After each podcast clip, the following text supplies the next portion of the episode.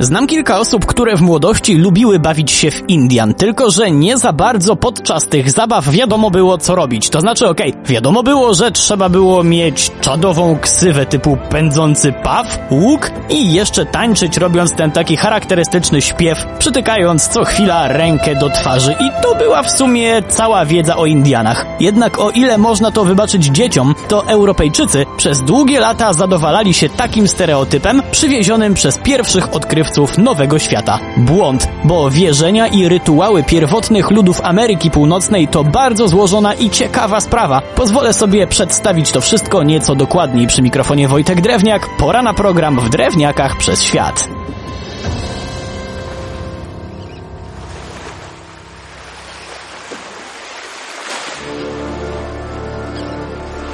Na początek musimy sobie uzmysłowić, jak bardzo zróżnicowana była staroamerykańska preria, jeśli chodzi o różnorodność plemion. Było ich kilkaset, ich członkowie mówili różnymi językami i reprezentowali różne kultury, więc to nie tak, że wszyscy Indianie mówili po indiańsku. Różniło ich sporo, jednak fundamentalne podejście do duchowych spraw mieli faktycznie jedno. Wierzyli oni, że cały otaczający ich świat jest przesiąknięty magiczną, tajemniczą mocą. Ta moc ma wpływ na absolutnie wszystko, co się dzieje, a na wypadek, jakby ludzie o tym zapomnieli, to przypominała o sobie w formie różnego rodzaju zjawisk przyrodniczych.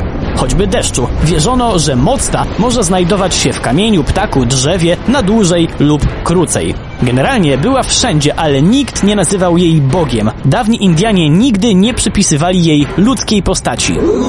Nam może ciężko to sobie wyobrazić, ale dawni Indianie żyli sobie z takim poglądem na duchowe sprawy całkiem nieźle. Tylko różnie ową moc sprawczą nazywali. Plemię Czarnych Stóp mówiło na nią na przykład Manitu, z kolei Irokezi Orenda. A potem przybyli z za wielkiej wody Biali i podobnie jak dziś większość z nas nie byli tego w stanie ogarnąć. To też wychowani w religii chrześcijańskiej zaczęli wszechobecną moc sprawczą tłumaczyć jako wielki duch. Chyba, że byli mniej otwarci na Indian, to wtedy nazywali ją demonem.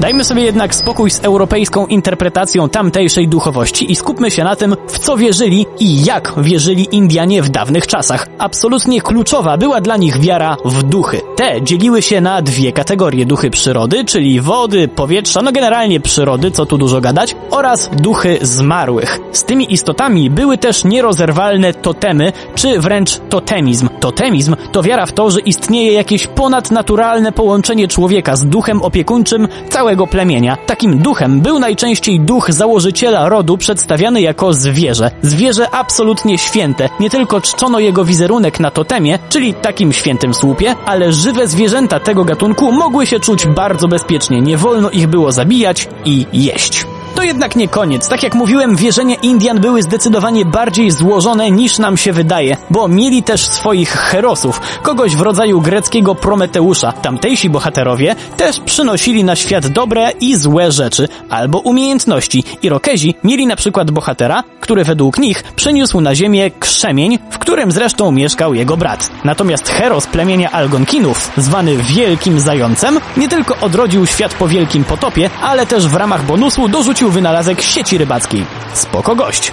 Indianie czcili też Matkę Ziemię i pioruny, ale największym szacunkiem darzyli Słońce. Z nim zresztą związany był tak zwany taniec Słońca, bardzo ważny rytuał, w którym raz do roku udział brało całe plemię. Jednak nie samo tańczenie, o którym sobie jeszcze powiemy, było tam najważniejsze. To był obrzęd, w którym chłopcy w odpowiednim wieku stawali się dorosłymi wojownikami.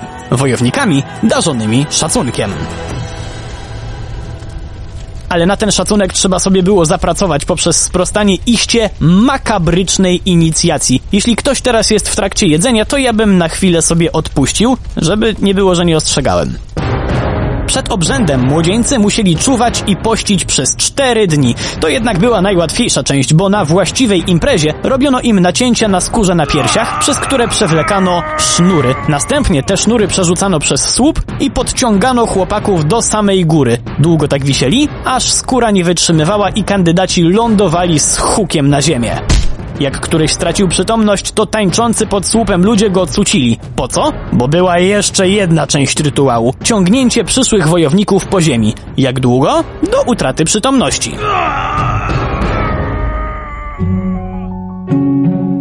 żeby nie pozostać taką traumą aż do kolejnego spotkania, to może jeszcze na koniec opowiedzmy sobie o innych aspektach indiańskiego tańca, bo był on nierozerwalnie związany z duchową codziennością. Indianie tańczyli w smutku i w szczęściu. Taniec był formą narracji, za jego pomocą opowiadano plemieniu o przebiegu polowania, ale miał też wymiar duchowy, bo ten sam taniec miał jednocześnie przebłagać ubite zwierzęta. Czarownik tańczył, by wywołać deszcz albo uleczyć chorego, ale jaką miał pozycję w plemieniu i po co była mu fajka? O tym opowiemy sobie już następnym razem. Przy mikrofonie był Wojtek Drewniak. Do usłyszenia.